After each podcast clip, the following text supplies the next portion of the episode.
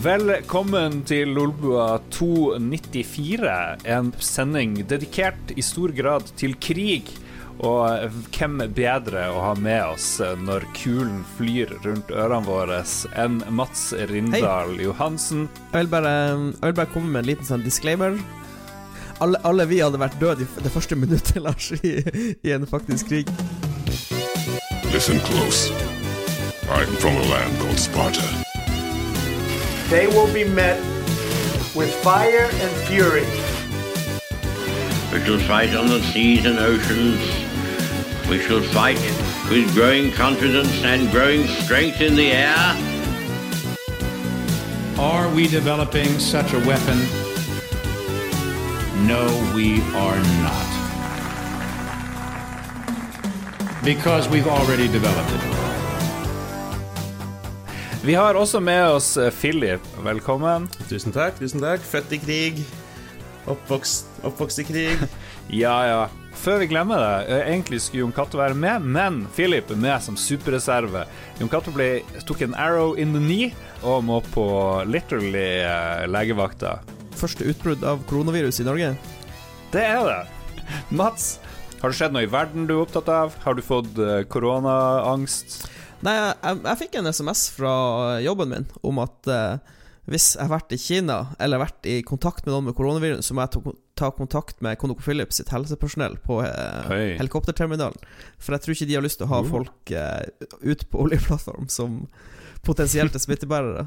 Så jeg føler meg veldig trygg de neste to ukene, for jeg skal ut på plattform. Så hvis det blir noe sånn major global outbreak, så kanskje liksom oljeplattformen min blir liksom det siste trygge plassen å Ja. være. For en genial, ja, for et genialt sted å være. Eh, Har dere fiskestenger på plattformen? Kan dere livnære dere? Hvis verden raser sammen mens jeg er på jobb, så øh, har jo jeg sånn to uker forsinkelse på hele greia.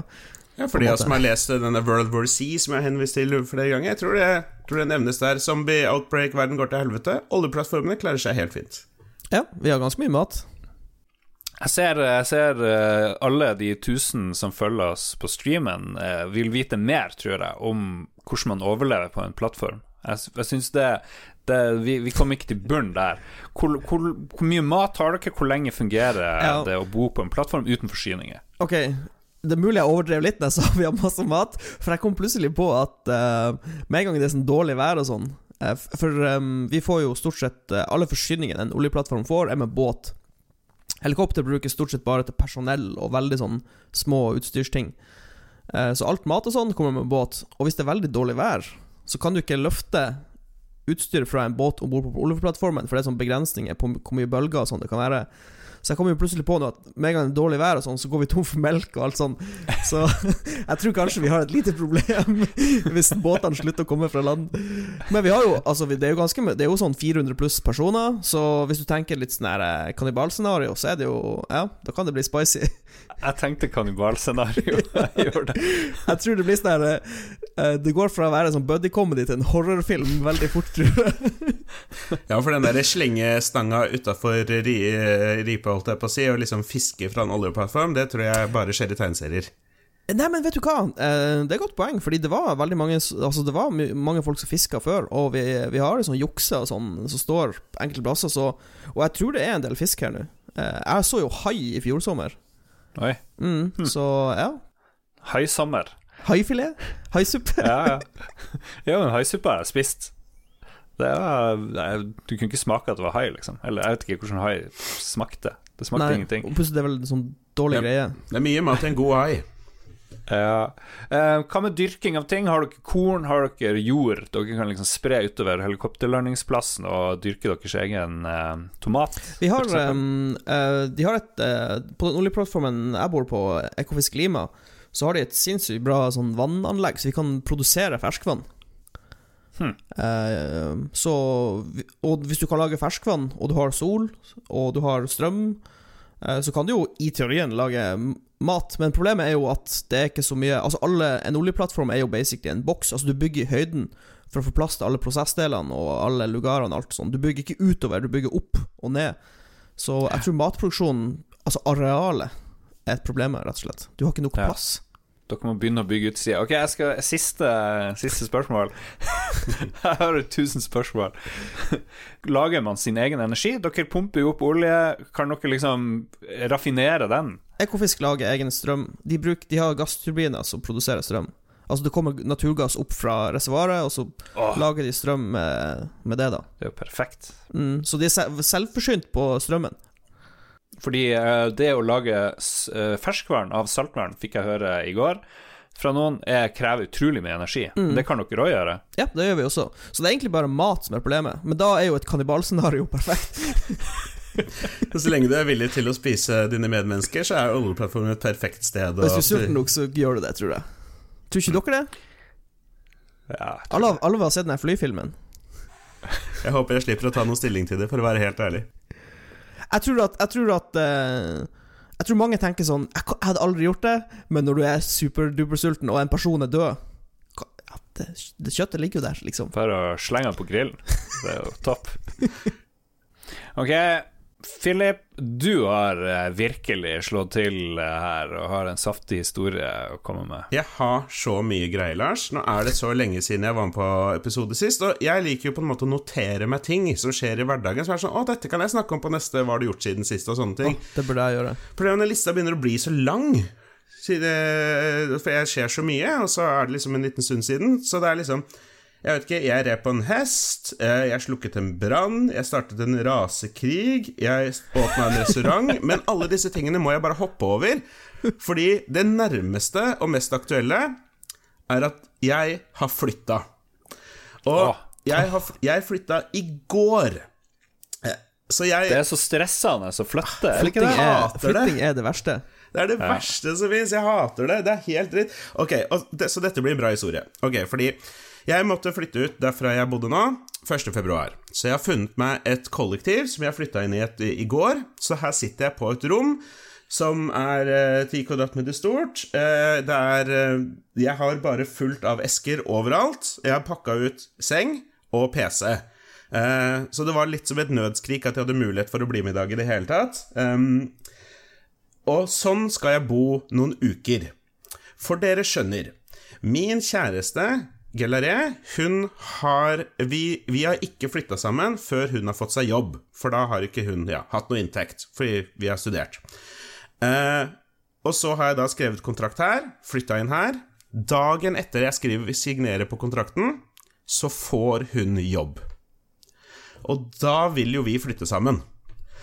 Så begynner, hun begynner på jobb 1. mars, og vi vil da flytte sammen før 1. mars. Og jeg har signert en kontrakt her med tre måneders oppsigelsestid.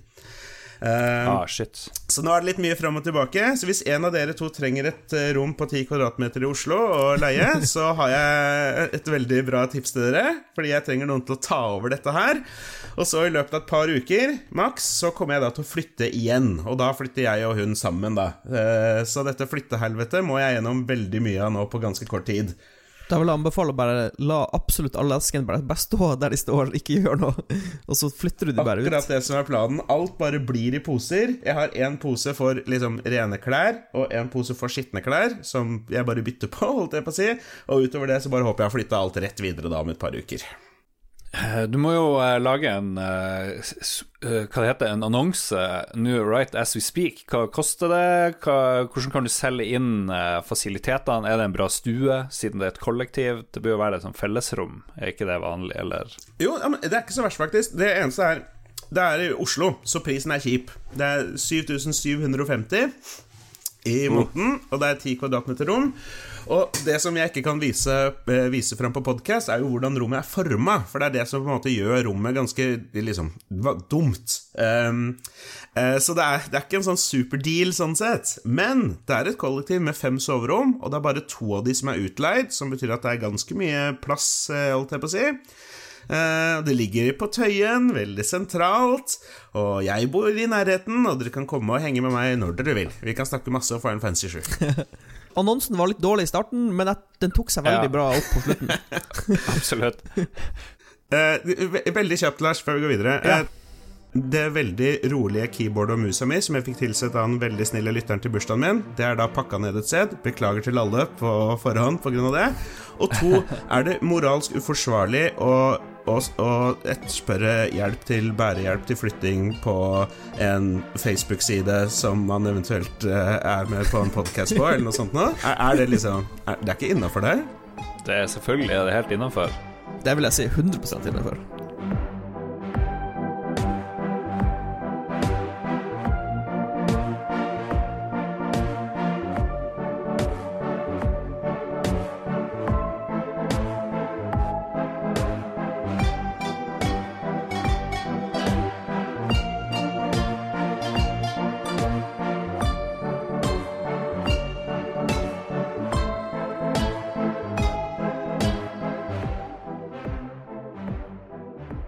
Skal snakke om krig og fred og sånn.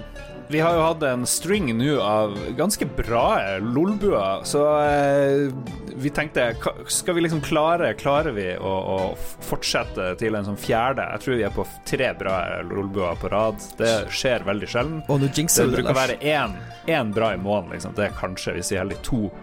En annenhver måned. Uansett, vi, jeg og Jon Cato tenkte hvordan skal vi fortsette denne bra streaken? Jo, vi tar og sk- skreddersyr tema til den som blir med. Eksempel Ståle var med, vi snakka om uh, mormonere osv. Fungerte veldig bra. Eh, vi har med Mats. Hva er det Mats liker å snakke om og har kunnskap om? Jo, krig og død. Krig og død, folkens! Spesial. Warbua 294 is in effect. Og Ja, Vi snakker jo allerede om kannibalisme, så det blir liksom bestialitetens historie, the podcast. Ja. Som en liten introduksjon så, så tok jeg og googla eh, hvorfor fascinerer mennesket seg av krig. Eh, har dere noen tanker om det? For jeg har, jeg har, jeg har kommet frem til noen interessante svar. Liksom. Hva er det som gjør at vi er så jævlig interessert i Nei, altså, Krig og elendighet. Um, store endringer i historien, altså uh, nasjoner som endrer seg, og allianser og sånn, det er jo stort sett krig som har uh, vært grunnen til det. Altså vært eh, katalysatoren i endringer. Så jeg vil jo tro at Og det påvirker jo menneskeheten i veldig stor grad. Så jeg vil jo tro at man blir fascinert av krig pga. det. For det er sånn vendepunkt på en måte i historien. Jeg vet ikke. Ja. Absolutt. Første og andre verdenskrig var jo noe av det som eh, prega oss mest. Ja, og Eh, at borgerkrigen i USA og Altså, det er jo mye kriger, altså i, i Kina, eh, Asia, altså Ja, Romerriket. Det er jo eh, ganske mye krig Absolutt. som har endra på eh, kartet, liksom, globalt. Men tror du Jeg vet ikke. Jeg, jeg vet ikke. Jeg stiller meg litt fremmed egentlig til det. At liksom, vi er så interesserte i krigsfilmer og den type liksom, for, Fordi vi er historisk interesserte i ting, på en måte. Det er, det er noen, noen filmer jeg har sett om liksom, sørkoreanske admiraler, som jeg har sett fordi han var en kul historisk person, men eh, jeg vet ikke, alle Vietnam-filmene er ikke nødvendigvis fordi at det var så spennende den Eller ikke det at den settingen i seg selv ikke var fascinerende, men eh, ofte så blir det jo glorifisert til en viss grad, og jeg vet ikke om det er så liksom Ja, historie faktisk. Ja. Ja, ja, og det er jo ja, en utfordring i seg selv, kanskje. det. En, eh, en interessant tekst jeg fant, er fra sjefen på Harvard, ei dame som heter Skal vi se Er det stillingstittelen hennes? Sjefen på Harvard? Harvard? Hun er president of Harvard University. Okay. Uh, historiker Drew Faust. Hun heter Faust til etternavn, og det er jo litt awesome. Hun er ekspert på eh, borgerkrigen i USA, og hun mener da at uh, folk er så interessert i krig fordi man ser på krig som en katalysator for forandring. Litt sånn som Mats sier, det, det forandrer historien. Men kanskje ikke bare pga. krig i seg sjøl, men man starter kriger for å forandre ting. Eh, Du kan ta en diffus situasjon, sånn som eh, 9-11, angrepene i USA. Det er liksom Ok, det kom inn og sånne folk fra Saudi-Arabia eh, som krasja. Og så har du han bin Laden som tok på seg ansvar, og han sitter en eller annen plass, kanskje i, eh, i fjellene i Irak eller i Pakistan, eller liksom hvor er han egentlig? Situasjonen er diffus. Vi bare starter en krig, eh, for da får vi en slutt. Man tenker at en krig har bestandig en slutt, og da, da forandrer vi på situasjonen. Vi går til krig, andre verdenskrig, ferdig, Hitler er borte, alt er bra igjen, liksom. Du har en vinner og en taper. Og, og sånn tenker man da i verden, da, om at krig er bra, for da får du liksom forandra på noe som ikke funker. Eh, akkurat det har jo skifta litt i det siste, da, hvor liksom krigene tar aldri slutt. Ja, for liksom Andre verdenskrig var jo liksom den siste gode krigen, på en måte, for du tok, du tok liksom Ja. flemmingene, på en måte. Altså, ja, kanskje det er sånn her Det sitter fast i mentaliteten at vi trenger krig, på en måte. Jeg vet ikke. Mm. Ja. For å rydde opp Rydde opp i det her fusk, fusket.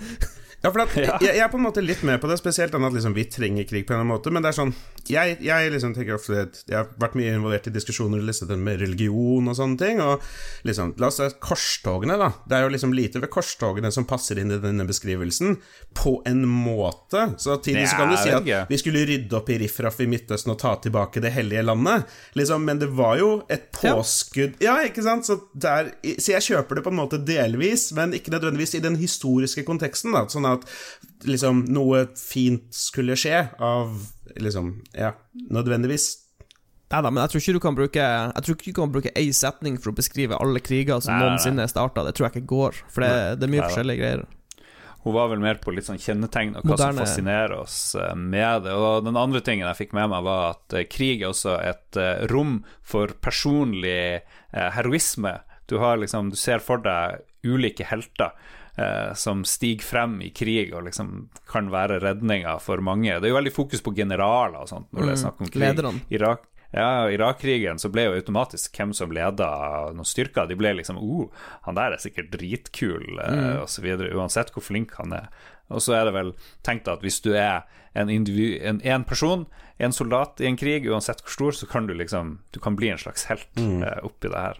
Eh, selv om krig mest sannsynlig bare er trasig The, og the American Dream helt jævlig. inne i krigen. Ja, ja. Nei, så jeg syns Jeg synes krig er kjempeinteressant, det. eh, altså. Og så har eh, jo det er jo, mange, det er jo noen av de større krigene som har dytta, teknologien frem, på en måte. Altså teknologiutviklinga har skutt fart av krigen. Og det kan jo òg være fascinerende. Ja. Skal vi snakke om krig i spill? Um, Ja. Det fins jævlig mye eh, spill uh, som handler om krig. Det gjør det. passer jo veldig bra Passer jo veldig bra for uh, spillmediet, ikke sant? Det å sende av gårde kuler, treffe ting. Spill er jo veldig flink på å følge regler. Uh, og det er veldig lett å lage regler i krigsspill. Ikke sant? Du, du har et våpen, du har en fiende. Uh, når alle fiendene er døde, eller den som har mest poeng, da er du, da er du ferdig. Det er liksom Men men sånn sett så tror jeg ikke så veldig mange spill egentlig handler om krig. Det handler mer om mekanikkene i krig. ikke sant? Eh, litt som sjakk. Det er jo ingen som tenker at sjakk handler egentlig om en eller annen krig med en backstory.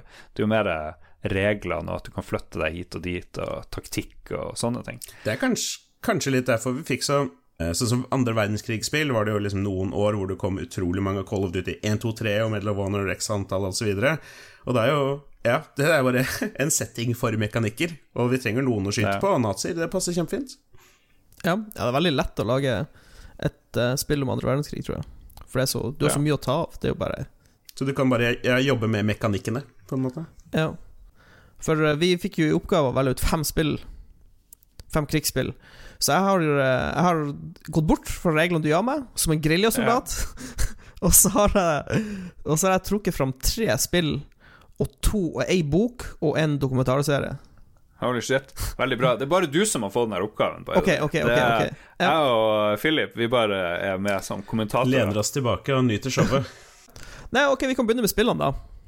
Um, Ja. Jeg har eh, lyst til å snakke om først om Battlefield 1942. Oh. Som er et, et uh, skytespill som Dice lagde for uh, way back. Det var vel det første spillet i Battlefield-serien, strengt tatt. Ja, jeg husker det. Det var i 2002, kanskje? kom det 2002, med? noe sånt. ja Ja. Men det som, det som er litt spesielt med Battlefield 1942 for min del, er at vi spilte det i starten. Du hadde Wake Island, ikke sant? Eh, Det berømte kartet med Japan mot USA, og så har du tre sånne små øyer som er hekta sammen. Eh, Jeg tror faktisk de slapp en demo eh, av Wake Island i forkant av spillet, som ble ekstremt populær, og derfor var litt av grunnen til at selve spillet ble så populært. Men noen år etterpå så var det noen karer som lagde en mod til Battlefield 1942. På litt samme måte som Counter-Strike var en mod til Half-Life. Eh, Så lagde de en mod som het Desert Combat, som eh, gjorde spillet om til et moderne krigsspill, hvor det plutselig var eh, Desert Storm eh, med amerikanske styrker mot eh, Midtøsten, da, med sovjetisk utstyr. Hvor du kunne fly Apache-helikopter, kjøre Abrams-tanks. Eh, og det var en, vi var en vennegjeng som spilte det ja, eh, utrolig mye, da. Eh, for det var Mm. liksom Det var så bra. Det var, det var liksom lagd av nerder, på en måte. Av folk som brydde seg veldig mye om, om det. Men det tok, det tok, aldri, tok aldri like mye av som Counter-Strike, da. Men det, hvis du sier Desert Combat, bare liksom Desert Combat til noen, så kommer de til å tenke på den moden til Battlefield. Du er litt glad i autentisitet eh, i spill, er det rett Ja. å si det? Ja, altså i dis, Altså, jeg har en tendens til å helle mot eh, de krigsspillene som, som fokuserer på virkelig Altså realisme, så de sier. Eh, det er jo en egen sjanger som heter Milsim, hvor, eh, hvor de som lager spillet, prøver å lage det så realistisk som overhodet mulig. Det appellerer litt ekstra når, det, når de har prøvd å gå for eh, realisme. Kan du nevne noen spill i den sjangeren? Er, er det sånn Arma og sånn? Ja, Arma og sånn er absolutt uh, Milsim. Ok. Eh, men jeg, ikke, jeg har faktisk ikke tatt med armer i uh, de tre spillene. For jeg hadde lyst til å Jeg hadde lyst til å spre sjangeren litt ut, fordi når du sier krigsspill, så tipper jeg veldig mange tenker ja, eh, skytespill. Altså Battlefield, Call of Duty, Medal of Honor osv. Men jeg vil også trekke fram strategispill. For det, er jo, det handler jo i stor grad om krig. Så jeg har, Ja. lyst, jeg har lyst til å nevne Rome Total War. Eller Total War-serien, da. Egentlig, kan vi bare snakke om. Good shit. Uh, Creative Assembly sin serie. Hvor, for det som er litt kult med Total War, er at du har både den, den kampanjebiten, hvor du har verdenskartet og skal forflytte troppene dine, men så går du også inn i slagene og styrer, styrer enhetene dine der. Så du må liksom tenke taktikk og strategi og alt, på en måte. Så jeg vet ikke, Har dere spilt noe Total War? Jeg har spilt noe Rome. Ja, det begynte med Rome Total Mm. War for min del også. Så Det var liksom der jeg Det begynner å bli en stund siden, dessverre. Men eh, ja, det jo, var jo veldig artig. Ja. Nei, for Total War-serien starta liksom med Rome for min del, hvor du liksom du, må ikke spille Romerriket, da. Du kan jo spille gallerne, eller egentlig hvordan som helst liten nasjon du vil, men eh, det var liksom det som starta Total War-elsken for min del. Og så har de jo De holder jo koken fortsatt. De har jo lagd et utrolig bra eh, Warhammer-spill. Total War Warhammer 2. Hvor eh, liksom du styrer det, er jo, det blir jo plutselig et fantasy-spill, da, men det, jo, det handler jo om krig fortsatt. Så det er jo det Mm. samme Altså, oppskrifta er den samme, det er bare De har bare blitt utrolig flinke. De har liksom perfeksjonert formelen. Så jeg syns det er kult at de fortsatt Kjenner du til det Warhammer-spillet noe særlig? Fordi jeg er en sånn gammel Warhammer Fantasy Battle-spiller. Men Men jeg har ikke vært liksom Jeg har ikke spilt noe særlig, spilt noe særlig strategispill på mange år. Vi var jo en vennegjeng som begynte med, med Warhammer Fantasy Battles. Og så flytta vi over til Warhammer 40 000, som er sci-fi-varianten deres. Så jeg har spilt, spilt masse Fantasy Battles. Jeg har fortsatt en miniatyr her en plass, på loftet til foreldrene mine, stående. Så ta, ta det med ned, får vi matche de opp mot mine Chaos Warriors på et tidspunkt. Jeg spiller også Chaos Warriors. oh, ok Great minds, og så videre. ja, de, de, var, de var så kule, jeg måtte velge de. Uh, ja, uh, og så har jeg et siste spill. Som sagt, jeg prøvde å, eh, å variere krigsspillene mine litt. Uh, men dette er også et skytespill, men litt annen vri på krigsspillsjangeren. Det heter Spec Ops The Line. Har dere noe kjennskap til det? Ja, det fikk en del, en del omtale. Ja. Det er noe Irak-greier, er det? Ja, det er en sånn Midtøsten-konflikt, eh, og så spiller du eh, Spiller du en spesialsoldat som blir sendt inn for å avklare en situasjon, og så Det er litt sånn ap Apocalypse Now, det er veldig antikrig, og så bare går ting eh, veldig ad undas. Og så eh, Jeg vil ikke Jeg vil egentlig ikke eh, spoile det så mye, men eh, vi kan si at det skjærer seg, og at det, det er ikke et pro Pro War-spill. Eh, Men det er absolutt verdt å spille i dag. Det holder seg veldig bra. Jeg spilte det Jeg spilte det bare for eh, et par år siden, liksom. Ja, for, for det kom i en periode hvor det var liksom en haug av de førstepersonskytespillene satt i Midtøsten som ble liksom kom på samlebånd, og dette var på en måte første som ikke glorifiserte det å være der og skyte folk. Ja, for spill er jo unikt dårlig, virker det som, til å fortelle noe fornuftig og interessant om krig. Med antallet krigsspill så skulle man tro at en, noen prosenter liksom hadde noe lurt å si og prøvde å ha en annen tilnærming enn det er kult skyte. Men, men det er jo litt urettferdig òg, fordi eh, det er kult å spille sjakk, men det glorifiserer jo ikke krig heller. Så jeg føler at eh, det er mer med at mekanikkene fungerer så bra i spill. Krigsmekanikkene fungerer så bra i spill at, at det, det, det må nesten skilles fra, fra, fra ordentlig krig. Ja, pluss at når du, når du setter deg ned for å spille et spill, så skal du jo, du skal jo kose deg og ha det artig, liksom. Ja, for det var en av de to tingene som jeg har lyst- har lyst til å spørre om på dette temaet, er på en måte hva vi føler, eller om vi føler noe i det hele tatt rundt at det spillmediet, eller det mediet som vi har valgt å trykke til vårt bryst, egentlig i veldig ganske stor grad er flinke på å glorifisere noe som egentlig er jævla kjipt. Vi har jo snakka litt om det, at ja, det skal jo bare være underholdning, og vi skal kunne ta det som det, og kunne kose oss med det, men ja, jeg, jeg vet ikke helt. Du har jo noen spill som handler om krig, men som ikke er, er skyting. Du har uh, Papers Please, for eksempel, hvor krig og konflikt er en sånn ramme rundt uh, en grensestasjon, hvor du skal slippe inn eller ut folk som prøver å komme seg til, til fra et dårligere liv til et bedre. Og det er jo en veldig fin eh, indie- indie-vri på det. Og så har du der My Child Levensborn, norsk spill som har vunnet pris, priser, og det handler om barna av eh, nazismen, for å si det sånn. Så, så jeg tror de beste krigsspillene ikke handler om krig, eh, faktisk. Men er, men er det lettere for oss å ikke bry oss så jævlig mye om når Norge finner ut at de skal sende tropper til Irak, ikke sant, eller til Syria, eller et eller annet? Tenker vi på hva vi egentlig er med på? Fordi vi har jo opp, aldri opplevd noe sånt på kroppen eh, i det hele tatt. Så å, å normalisere spill Eh, at vi tenker at ja, ja, krig er bare det er kult. De har en sånn her eh, base et eller annet sted, og så har de litt skytetrening, og så drar de nå inn og dreper litt folk og sånn, og det går nå greit. Jeg håper ikke Nei, jeg håper ikke det normaliserer det, men uh, jeg tror det er bare Det er rett og slett vanskelig for en gjennomsnittlig nordmann å sette seg inn i situasjonen, rett og slett. Altså Hvis du ikke har opplevd det på, på kjent det på kroppen, så tror jeg det er veldig vanskelig å forestille seg hvordan det kan være. Det blir liksom Ja. Husker dere eh, No Russian-sekvensen i Call of Duty Mhm. 2? eh, Modern Warfare? Den på den flyplassen. Ja. Men det var jo åpenbart Det var jo åpenbart lagd for å eh, For å liksom lage blest om spillet, da. For å få gratisreklame. Ja, for det er den eneste sånn. gangen jeg kan huske i moderne tid at du kan skyte sivile i et krigsspill. Ja. Og det ga jo enorme reaksjoner. Jeg satt jo lenge og jeg gidda liksom ikke å skyte de folkene der, men du måtte gjøre det for å gå videre i handlinga. Du, det var jo du, sånn du kunne gå gjennom hele greia uten kan- å skyte Ja, du må noen. ikke skyte det. Jeg fant ut at du måtte skyte. Da fant du ut feil. Ja, ok, du måtte ikke skyte? Nei. Nei, du kan, du kan gå gjennom flyplassen uten å skyte noen. Ah, Ja. Oh, ja. Jeg løfta ikke gunneren min en eneste gang. Jeg syntes det var ubehagelig.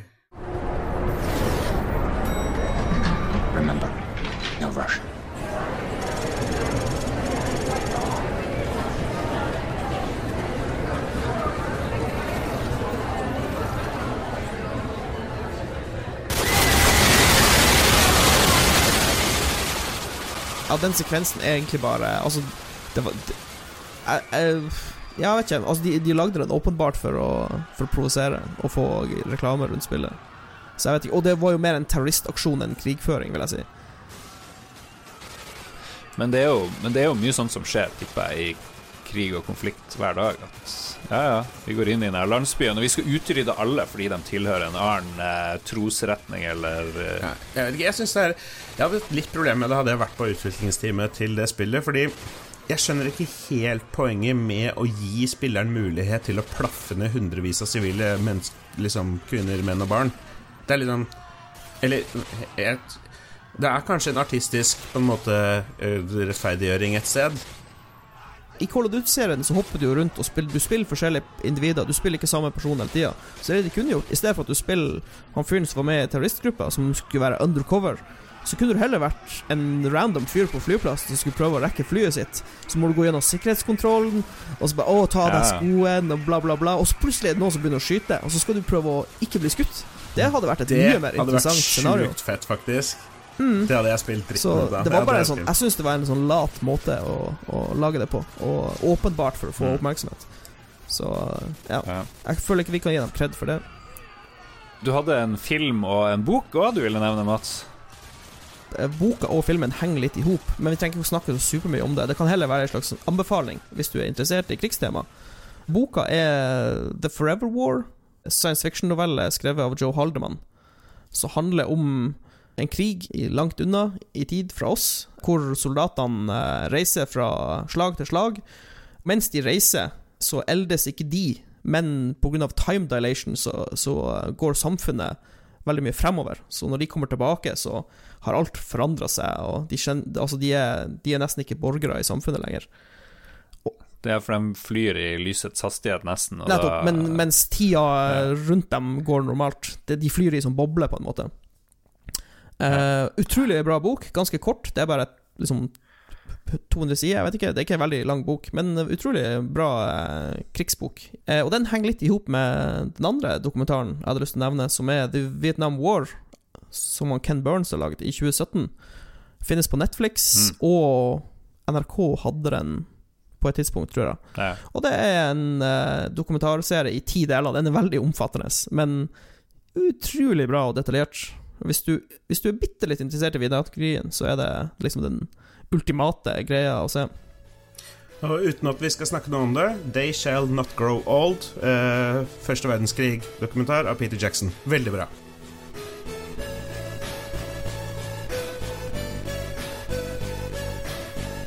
It's impossible through words to describe what is necessary to those who do not know what horror means.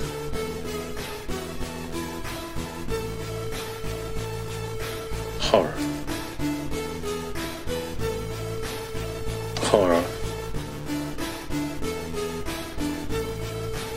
Horror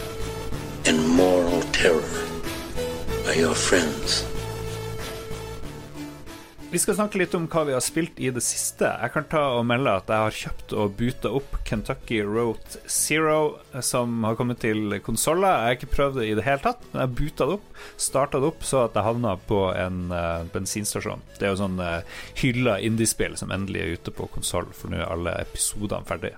Jeg ikke, Er det noen som har spilt det her? Kentucky Route Zero. Jeg Zero. kjøpte den første episoden på Steam for mange mange, mange år siden og spilte gjennom den. Men jeg, ja Jeg husker at jeg likte, jeg likte den visuelle greia. Stilen. Philip, eh, hva du har eh, underholdt deg med i det siste? Eh, For de som følger med på stream på Twitch og TV slash Lolbua, streamer jeg alt jeg spiller. Og i det siste så har det gått til Sekiro, Shadows Die Twice, for det var det hadde en uhøytidelig avstemning, og det var det folket ville at jeg skulle spille. Det vant jo masse priser for årets spill, 2019. Er veldig solid, det er veldig gøy, det er Dark Souls i samurai-verdenen, det er vanskelig, eh, det er blitt snakka masse om fra før. Kom og se meg spille det. Twitch og TV slash Lolbua. Nice. Ok, Mats? Jeg har spilt et lite indiespill som heter Noita. Det er et artig, morsomt lite spill. Det er lagd av Nolla Games, som er et ganske ferskt spillstudio. Eh, Det er tre karer fra Finland. To av dem har lagd noen ganske kjente spill. Det ene heter The Swapper, som jeg faktisk har spilt gjennom. Som er utrolig kult. Ja. Det er sånn eh, puzzle-spill. Noita handler om eh, trylling. Du spiller ei heks. Så jeg lurer på om Noita kanskje er finsk for heks. For det er mye sånne finske ord i spillet. Men jeg er litt usikker. Ja. Du spiller uansett ei heks som har en tryllestav, og så kan du flyge, selvfølgelig, for du er ei heks. Eh, og så skal du bare komme deg gjennom eh, brettene, på en måte. Du, du står fritt til å eh, velge hvordan du gjør det. Er det sånn Metroidvania-sjanger vi er mm, inne i. den er, det er en action rogelight, er vel uh, sjangeren. Uh, fordi når du dør, så er det back to scratch. Du starter liksom utfor ei hule. Du starter på samme plassen hver gang utfor denne hula, uh, og så har du samme setup. Med mindre de har en sånn modus som kalles daily run, hvor du får litt sånn tilfeldig utstyr. Men hvis du, hvis du spiller den vanlige modusen, så starter du alltid med det samme. Du starter med en tryllestav, så skyter sånne her, lilla bolter som gjør bitte litt skade. Og så har du sånn bombestav som bare har tre, tre uses før den er tom. Men det som, ehm, det som gjør spillet litt eh, unikt, er to ting, vil jeg si. Eh, for det første så kan du eh, Du kan forandre på de tryllestavene dine. De har sånn slots hvor du velger hvilken effekt tryllestaven har. Og de, mellom kartene så kan du bytte ut de effektene. Så, så, det er ingen begrensning. Du kan bare Hvis du har åtte bokser i staven din, så kan du hive inn flamme, lyn, eh, en sånn eh, trigger at hvis han begynner å blø, så blir blodet om til olje, og så har du en flammeeffekt, og så tar olja fyr, og det er sånn helt absurd nivå eh, på de her stavene, hvor, du, hvor mye du kan endre på dem. Jeg ser en video nå av spillet, og det er jo, du er jo egentlig et romskip. Ja, du er i rom, eh, det er romskiphex. Fordi du får å fly rundt, og så er det gravitasjon, og så Du kan jo bytte ut heksa med et romskip, Ja. og så er det jo Men det som er litt kult, er at um, inne i den grotta, og etter hvert de andre kartene som du kommer til da, så har alle Altså alt av terreng har en egenskap. Så hvis du står på noe som er lagd av tre, f.eks., og du bruker flammeeffekter, så blir det tre å ta fyr. Eh, hvis du har eh, Hvis du har en under Altså hvis du har en stor innsjø som er sperra inne bare av en tynn vegg, og du sprenger bort den veggen, så kommer vannet ut. Altså alt, alt er simulert med fysikk, og det kan interagere med hverandre. Det minner meg veldig om Pixel Junk Shooter, hvor du flyr rundt og skyter vegger og manipulerer lava og skyter hull i vegger. Mm, du kan få veldig mange sånne kjedeeffekter, eh, hvor liksom du eh, Elektrisitet, flammer, syre Altså, det, det Hvis folk har spilt eh, Jeg ble litt jeg tenkte litt på Divinity Original Sin, hvis dere har spilt det, hvor du har sånn gasser og flamme, og så plutselig så bare eksploderer masse greier, og så er det lyn i dampen. Og eh, det var bare så utrolig morsomt, for det liksom Noen ganger skjer det bare ting så du ikke Du, du innså ikke at dette kom til å skje, men så skjedde det, og så var det kult. Så eh, jeg har jo bare spilt noen timer, da, men jeg kommer nok til å prøve å spille gjennom det. eh, for jeg likte det veldig godt. Jeg, vil si at eh, Det var tre spill jeg tenkte på når jeg spilte det. Det var Terraria, pga. den grafiske stilen og at du kan liksom grave og påvirke terrenget. Worms, pga. de her enorme kjedeeffektene. Og Dead Cells, fordi det er en rogelight. Så de, de tre spillene er vel nøkkel, nøkkelordene. jeg har lyst til å nevne noe før vi går videre her, fordi dette er jo egentlig spalten hvor vi skulle snakka om Warcraft 3 Reforged og den enorme skandalen det har vært. Uh, og i en episode som handler om krig, så er det jo unektelig merkelig at vi ikke har satt av et, liksom en egen del til det, men jeg tror vi må bare ta det neste uke når skandalen har blitt enda større.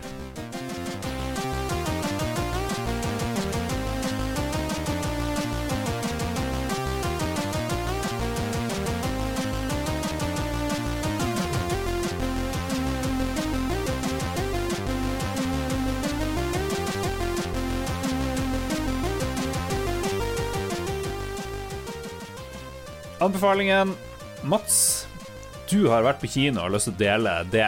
Uh, War is hell. Det var mest fordi uh, vi hadde krigstema. Ja. Så har jeg, var jeg på kino med en kompis og så den nye krigsfilmen 1917 på kino. Av han uh, Mendes. Han som har lagd noe James Bond og litt sånn ymse. Okay. Veldig bra film. Til de som ikke har hørt om den, så er det en uh, spillefilm som tar plass i herrens år 1917. Hvor det også var en eh, Spoiler. krig. En krig som pågikk. Første verdenskrig. Og så handler det om en eh, Det handler om to soldater som får en ganske enkel oppgave. De skal bare levere et brev til en, eh, en major for å prøve å hindre et, et fremrykk. For de har funnet ut at tyskerne har De har trukket seg litt, og så tror, tror de allierte at eh, tyskerne er på rømmen, så de skal liksom jage dem ned. Men så viser det seg at de har uh, lagd en sånn enorm forsvarslinje, og så skal de her to soldatene prøve å hindre at 1600 mann springer inn i sin sikre død.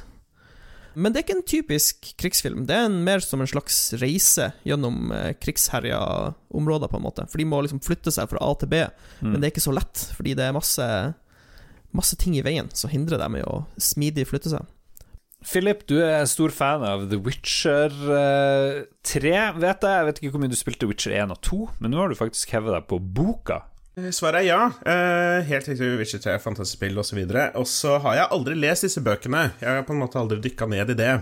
Eh, og så har jeg havna der til slutt. Hvorfor har jeg gått gjennom med Mats på stream her eh, mens jeg spilte Final Fantasy? Lang historie kort. Jeg vil alltid utvide min erotiske horisont, så jeg begynte å, se, så jeg begynte å google etter bøker som kvinner likte veldig godt, som var innenfor den erotiske sfæren.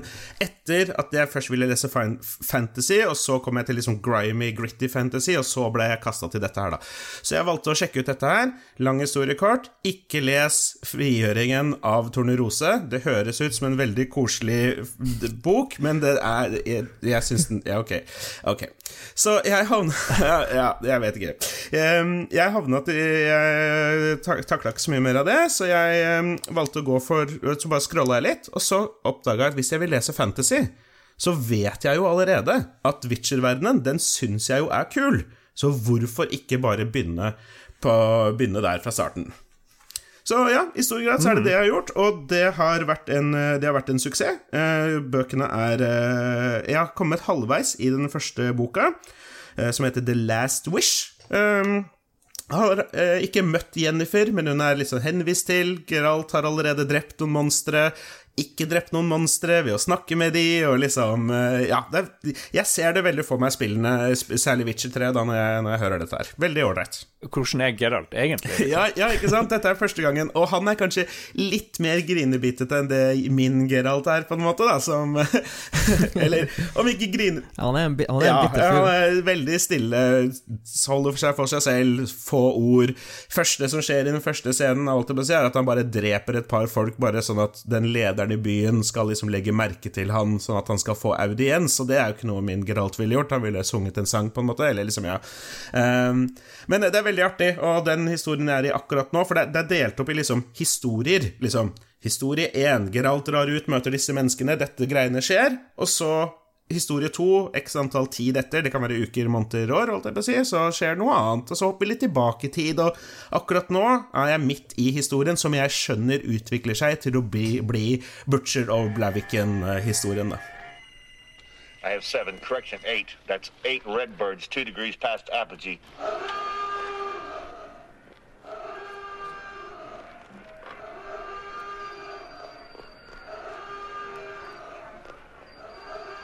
Uh, sir, we have radar tracking. Eight inbound Soviet ICBMs, already over the pole. Estimated impact 11 minutes. Confidence is high. I repeat, confidence is high.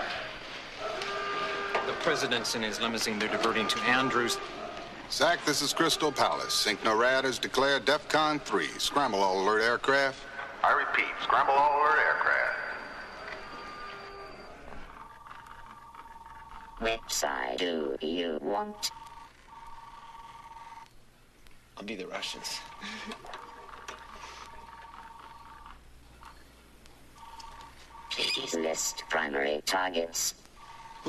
First?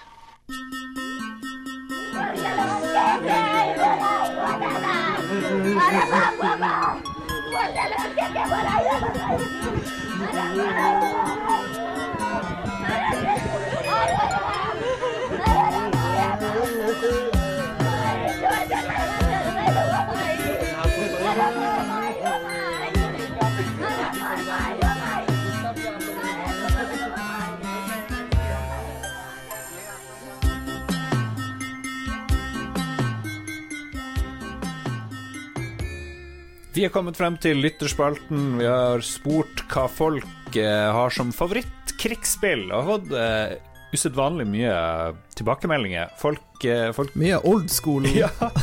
Jeg tok og delte et bilde av Kommando-spillet på Commodore 64 sammen med spørsmål. Jeg tror det smitter over, for det var veldig Jeg mye du, du, du planter det i hodet deres, Lars. ja. Eh, skal vi se. Vi begynner med Torbjørn Preus Skau, som nevner Silkworm. En eh, Amiga-klassiker eh, hvor man kan spille toplayer, tror jeg. Silkworm, jo. Ja. Jo, det er en, eh, et helikopter og en bil, er det ikke? Mm. Veldig grafisk eh, imponerende. Det samme gjelder jo Turrican 2. Fantastisk eh, soundtrack. Veldig bra soundtrack. Ja, Metroidvania-aktig spill hvor du er en eh, soldat på en eller annen planet, springer og hopper. Ganske vanskelig. Utrolig vanskelig. Vi har lagd en sånn her uh, Vi har prøvd å se om det holdt mål. Det var dårlig. Vi, vi sugde. Vi sugde. Uh, og Lemmings, eller kanskje Lemmings 2, The Tribes, uh, nevner han òg.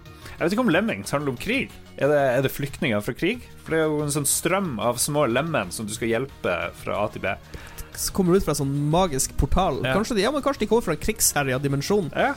Jeg liker det. Det blir sånn ny backstory på Lemmings, faktisk. Uh, men uh, hovedkrigsspillet til Torbjørn er selvsagt, sier han, Warcraft 2. Audun Rodem nevner This War of Mine, War Room og Missile Command. Som da blir en sånn blanding av nye og gamle spill. Ja. This War of Mine eh, er jo et av de spillene som prøver å ta krig sånn- mer på ja, det- alvor. Ja, nettopp. Det er vel, handler vel litt om eh, effektene av krig Ja. på sivilbefolkninga. Ja, spilte, spilte det, er, det er triste greier, for å si det sånn. Stiana Skjerven nevner også The War of Mine, uh, The Little Ones. Og sier ja, apropos trist, og det knuser et pappahjerte. Det. Eh, Johannes Utvåg jobber i Forsvarsdepartementet, by the way. Han skulle vi hatt som gjest, det glemte vi fullstendig. Ja, Men, uh, hvor er han? Hvor er han? Red Alert 2 og alt som Westwood Studios uh, har tatt i. Han liker kanskje den Ja, hadde- hadde- strategiske delen. Jeg hadde veldig lyst til å ta med Command Conquer, men da måtte jeg ta bort Total War-serien, og det kunne jeg ikke gjøre i, når vi snakker om krig. Det går ikke. Det heter Total War, liksom. Nettopp. Nettopp. Eh, Kristoffer uh, Boys Hansen Leistad nevner My, My Child Lebensborn, som vi har snakka om. Med ja, de tyske De tyske barna. Ja, innblikk i uh, hverdagen til uh, unger i, i etterkrigstida. Så si seg sjøl blir litt trist der, da. Ah, shit. Må skru av eh, Skru av lyd. Turn off the sounds. Skal vi se, hvor var vi? Magnus Eide Sandstad nevner Cannon Fodder. Yeah. Det er jo en, eh, det er jo en Amiga-klassiker. Den burde vi spille, Lars, forresten. Det er jo Det tror jeg faktisk har holdt seg veldig bra. Ja. Og det holder mål, absolutt.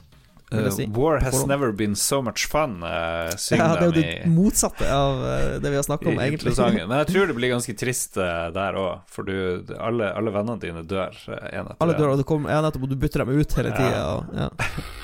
Du har den lange linjen med rekrutter som slipper inn nye soldater. Mm. Krigsmaskineriet. Bjørn Anders Ulsund nevner nord og sør. Er det North and South? Det der... Enda et spill vi har testa, Mats. Ja, faktisk. Vi har testa mange krigsspill, Men dette er sånn uh, borgerkrig i USA-greie. Nord og sør. Mm. Mm. Vi vant, vi vant den krigen på rekordtid. Ja. Det var bare, det var bare to måneder eller noe sånt, så hadde vi vunnet. ja, vi stilte en ganske lett vanskelighetsgrad. Men det er jo Ja. Det er veldig morsom sånn eh, fransk tegneseriestil. Ja. Eh, Bjørn Bjelland eh, sier at Desert Strike var fantastisk da det kom tidlig på 90-tallet, og han skulle gjerne hatt en remake av det nå. Desert Strike Det var med Helikopter? Apache-helikopter. Du, du styrer et Apache-helikopter og flyr rundt i Midtøsten og bare moser ting på bakken. Ja, faktisk. Å ja. Ja, det spilte jeg òg. Det var veldig kult. Aldri, aldri før har man skutt så mange Hellfire-raketter. Var det til Amiga, det ja. Jeg spilte på Amiga. Ja, ja, ja. Oh, kult. Det må vi også spille. Okay, I got target right there. Okay, come down. Coming down. They're going,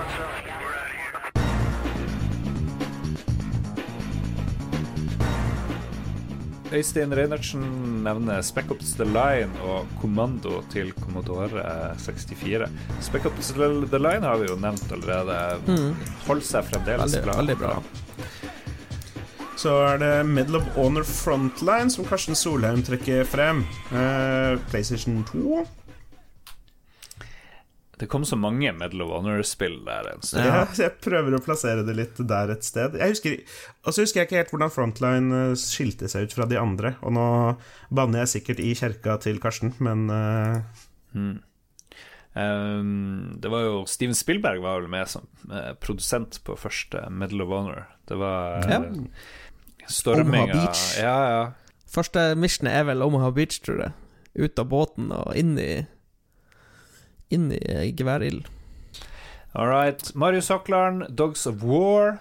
Og så sier han at eh, han hadde et kult spill på fem og en kvarts floppy, det må jo ha vært i Commodore 64, der du drev og pat- patruljerte elver i Vietnam. Patrolboat eller noe. Det var kult. Anders Bye derimot, Nuclear War. Der budskapet som humoristisk formidles, er at atomkrig er galskap uten vinnere. Hell yeah. Det må vi jo gi dem rett i. Du spiller Margaret Thatcher og Gorbatsjov og sånne her Gaddafi og sånne her gale ledere som bare kriger mot hverandre. Ganske humoristisk. Eh, Glenn Eriksen eh, nevner Valiant Hearts, The Great War. Kosti Eriksen, som skal komme på spillquiz neste uke, hørte jeg, spilte Command and Conquer i utallige timer, så jeg setter en knapp på det. Ja. Nod og GDI Jeg husker Altså, det er jo Det er jo god stemning i Command Conquer. Det er sånn glad krig. Happy Wars. Skal vi se Trond Sinfor Borgersen Combat School eh, var en eh, Commodore 64-klassiker. Elsker at det var mye old school her, altså. Hvor man trener seg opp til å bli soldat. Jeg tror det var et av mange spill hvor jeg liksom ikke liksom Noen spill du var for dum til å skjønne hvordan du skulle komme deg videre. Det var sånn, Hvordan var spillmekanikkene på 80-tallet? De var av og til veldig vanskelige. I dag så blir du holdt i handa og leid videre overalt, men Ja, så kan du jo bare google det hvis du sitter fast, Ja, liksom. I know. Det er det som er juks. Uh, Øystein Reinertsen har eh, sunket uforskamma mange timer ned i Conflict Desert Storm 2 til PlayStation 2. Jeg antar kanskje at Wings of Fury, som Bjørn Bjelland sier var fantastisk, også er noe flyaktig-ish. Ja, det er sånn 2D sidescroller-fly. Du skal prøve å eh, lande på et hangarskip, og så krasjer du hver gang. det er det Wings of. Fury handler om. Men det er morsomt. Ja, og Marius Søkleren fortsetter med Hvis du tar bort Over Fury, så sitter du tilbake igjen med Wings, som var fantastisk. Og det er vel første verdenskrig, er det ikke? Ja, du flyr Med sånn sånn, dobbeltdekker eh, eh, Dobbeltdekker og trippeldekker. Ja, Den røde baron var jo en av de her eh, karene jeg tror Mm. du møter Mm. der. Eh, apropos det å skape helter under krig. Eh, Ja. USA er jo veldig glad i helter. Kanskje det er derfor de er så krigersk. Fordi hva skaper helter mer enn en solid Vietnamkrig? Det er jo en heltefabrikk Ja. uten like. Ja. Så er det endelig Ida og Doris Joint som sier uh, Final Fantasy 7. Og det, det var bra, Ida. Tusen takk. For oss som lever i en, den virkelige verden, så sier hun Metal Gear Solid 4. Ja, det står det ikke i mitt manus. Mm. Alexander Mortensen eh, trekker frem eh, På Amiga så er Team Yankee det beste krigsspillet, og på PC så er det Hidden and Dangerous 1 pluss ekspansjon. Vet du hva, da må vi bare avslutte, Ja. fordi Lars har det travelt. Ja, her er det. Bam, bam, smack, Busy. boom. Busy bee. Men vi klarte å mose stryken, Lars.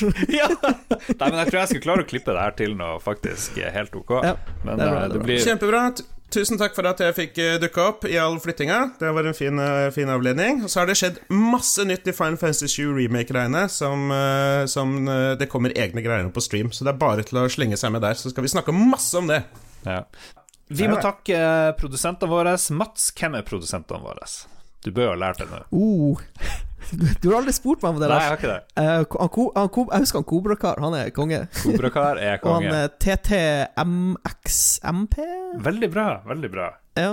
Og så den- sikkert et par karer som jeg har glemt. Nei, men Det høres ut som det er flere, men det er bare én. Rolf Helge Øvergård Ingebrigtsen er også Rolf Helge. produsent. Rolf Helge! Og så kan vi eh, opplyse at Ståle har sendt ut eh, eksklusive Patrion-T-skjorte til de tre produsentene, hvor det står deres navn på greier, og denne logoen og custom eh, grafikk, så det er de glad for.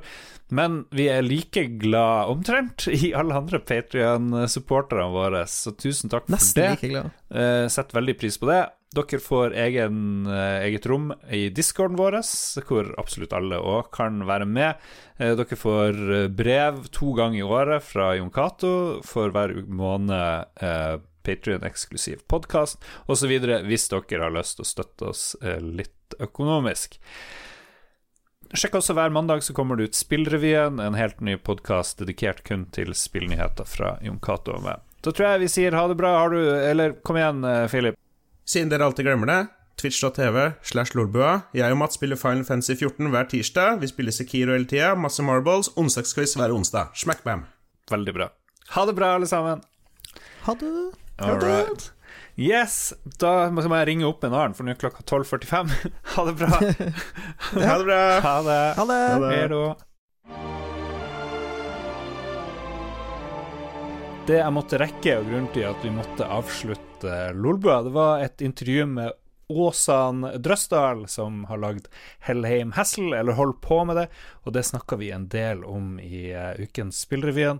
Og jeg tenkte jeg gjorde et litt lengre intervju, så hvorfor ikke dele hele det? Vi hadde ikke plass til det i Spillrevyen, så her får du høre historien bak eh, Hellheim Hassel, hvordan det kom fra en litt sur uh, kritiker og eh, mer om hvorfor de valgte å presentere eller kunngjøre spillet sitt i forrige uke, siste uka i januar. Fortell litt om spillet Hellheim Hassel. Yes. Så Hellheim Hassel er det nye spillet vårt, eh, i samme univers som Manuel Samuel. Så det er en slags spiritual successor. Det er ikke samme type gameplay, eller noe, men det er liksom i samme verden. Og samme dag, samme tirsdag som Manuel Samuel.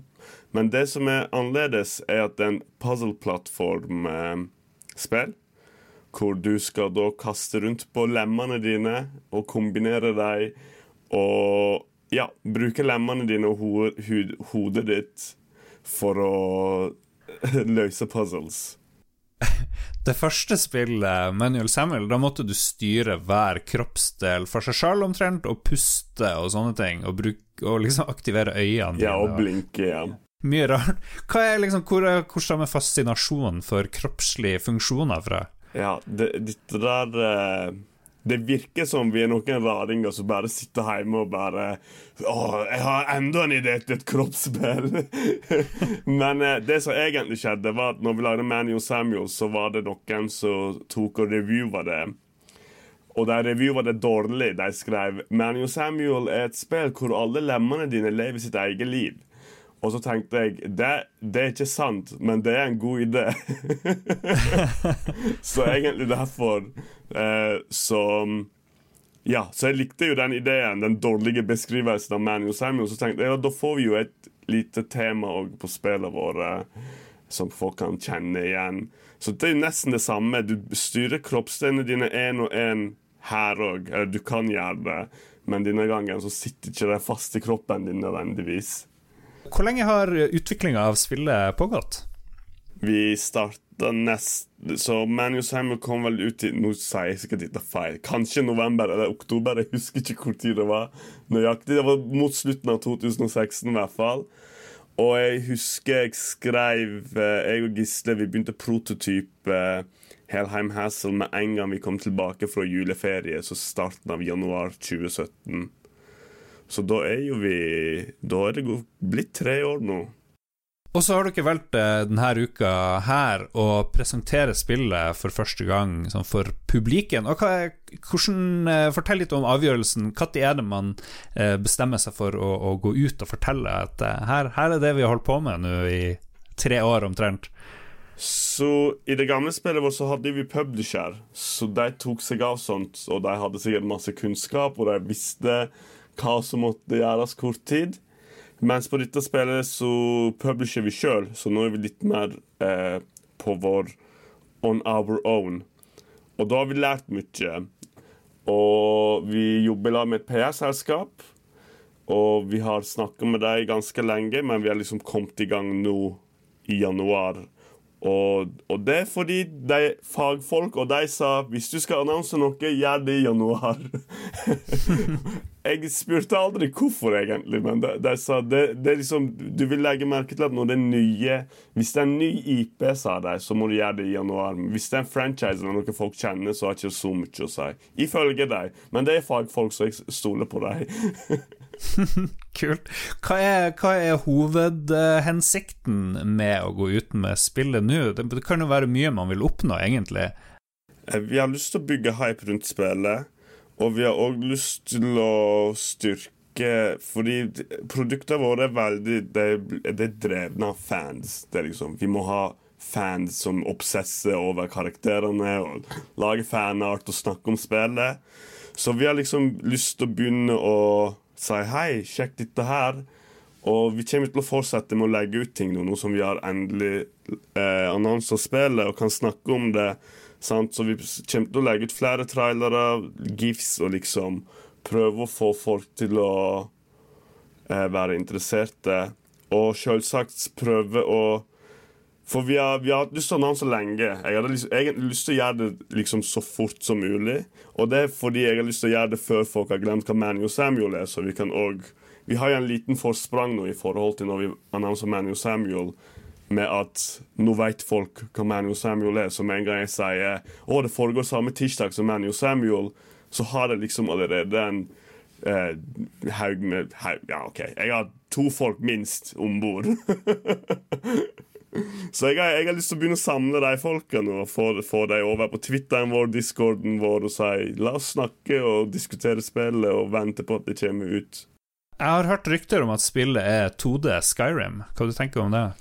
ja, det er, vi, vi er veldig stolte av uh, dette spillet. Fordi det er, det er så mye mer og større enn vårt første spill. Mens, men det er fortsatt like narrativt òg. Uh, det som gjør det 2D Skyrim, hvis du spør meg, fordi det, det er jeg som har begynt å si det til folk Jeg har òg brukt frasen 'denne Taj Mahalen av indiespill. eh, er open, world, som jeg syns er veldig fett. Eh, spesielt så er det 2D, så du kan fast-travele rundt og eh, lete etter ting i levels du allerede har vært i. Du kan finne forskjellige secrets og sånn. Og de secretsa det er liksom ikke noe vi bare har slengt inn. Bare sånn, Og der er det en dør du kan kanskje finne. Det er full liksom det er karakterer med voice acting og quest lines og ting vi har brukt utrolig mye tid på, og dette er ting folk kan bare gå rett forbi. Aldri se en eneste gang. Rundespillet ti ganger og aldri se det. Så, det. så det, er vi veldig stolte av, og det, det, er litt av grunnen til at vi bruker ord som Skyrim og Taj Mahal. Det er en, det er jo viktig å, å, skape hype, og jeg tenker er noen sånne forbilder Jeg tenker på han Peter Molyneux, f.eks., er kanskje en av de store hypemestrene i spillindustrien. Men han ligger kanskje litt langt, da. Av og til så hadde han ikke helt dekning for, for det å komme. ja, vi, vi skryter kun av ting vi kan backe opp. Uh, det er derfor vi har brukt litt tid på annonsespill òg. For det er sånn, uansett hvor ferdige vi er så er det sånn Ja, men tenk om det ikke kommer ut likevel. Altså, det kommer jo ut. Det skulle alltid komme ut, men vi er alltid sånn ultraforsiktige. er det noe vi har glemt å, å ta med? Eh, ja, det at det er Det har en Steam-side nå, så gå inn på Steam og wish this Talheim Hassle. det hjelper oss. Det, det setter vi pris på. All right. Åsan, tusen hjertelig takk for at du stilte opp på Kjempeparti. tusen takk for at jeg fikk være med.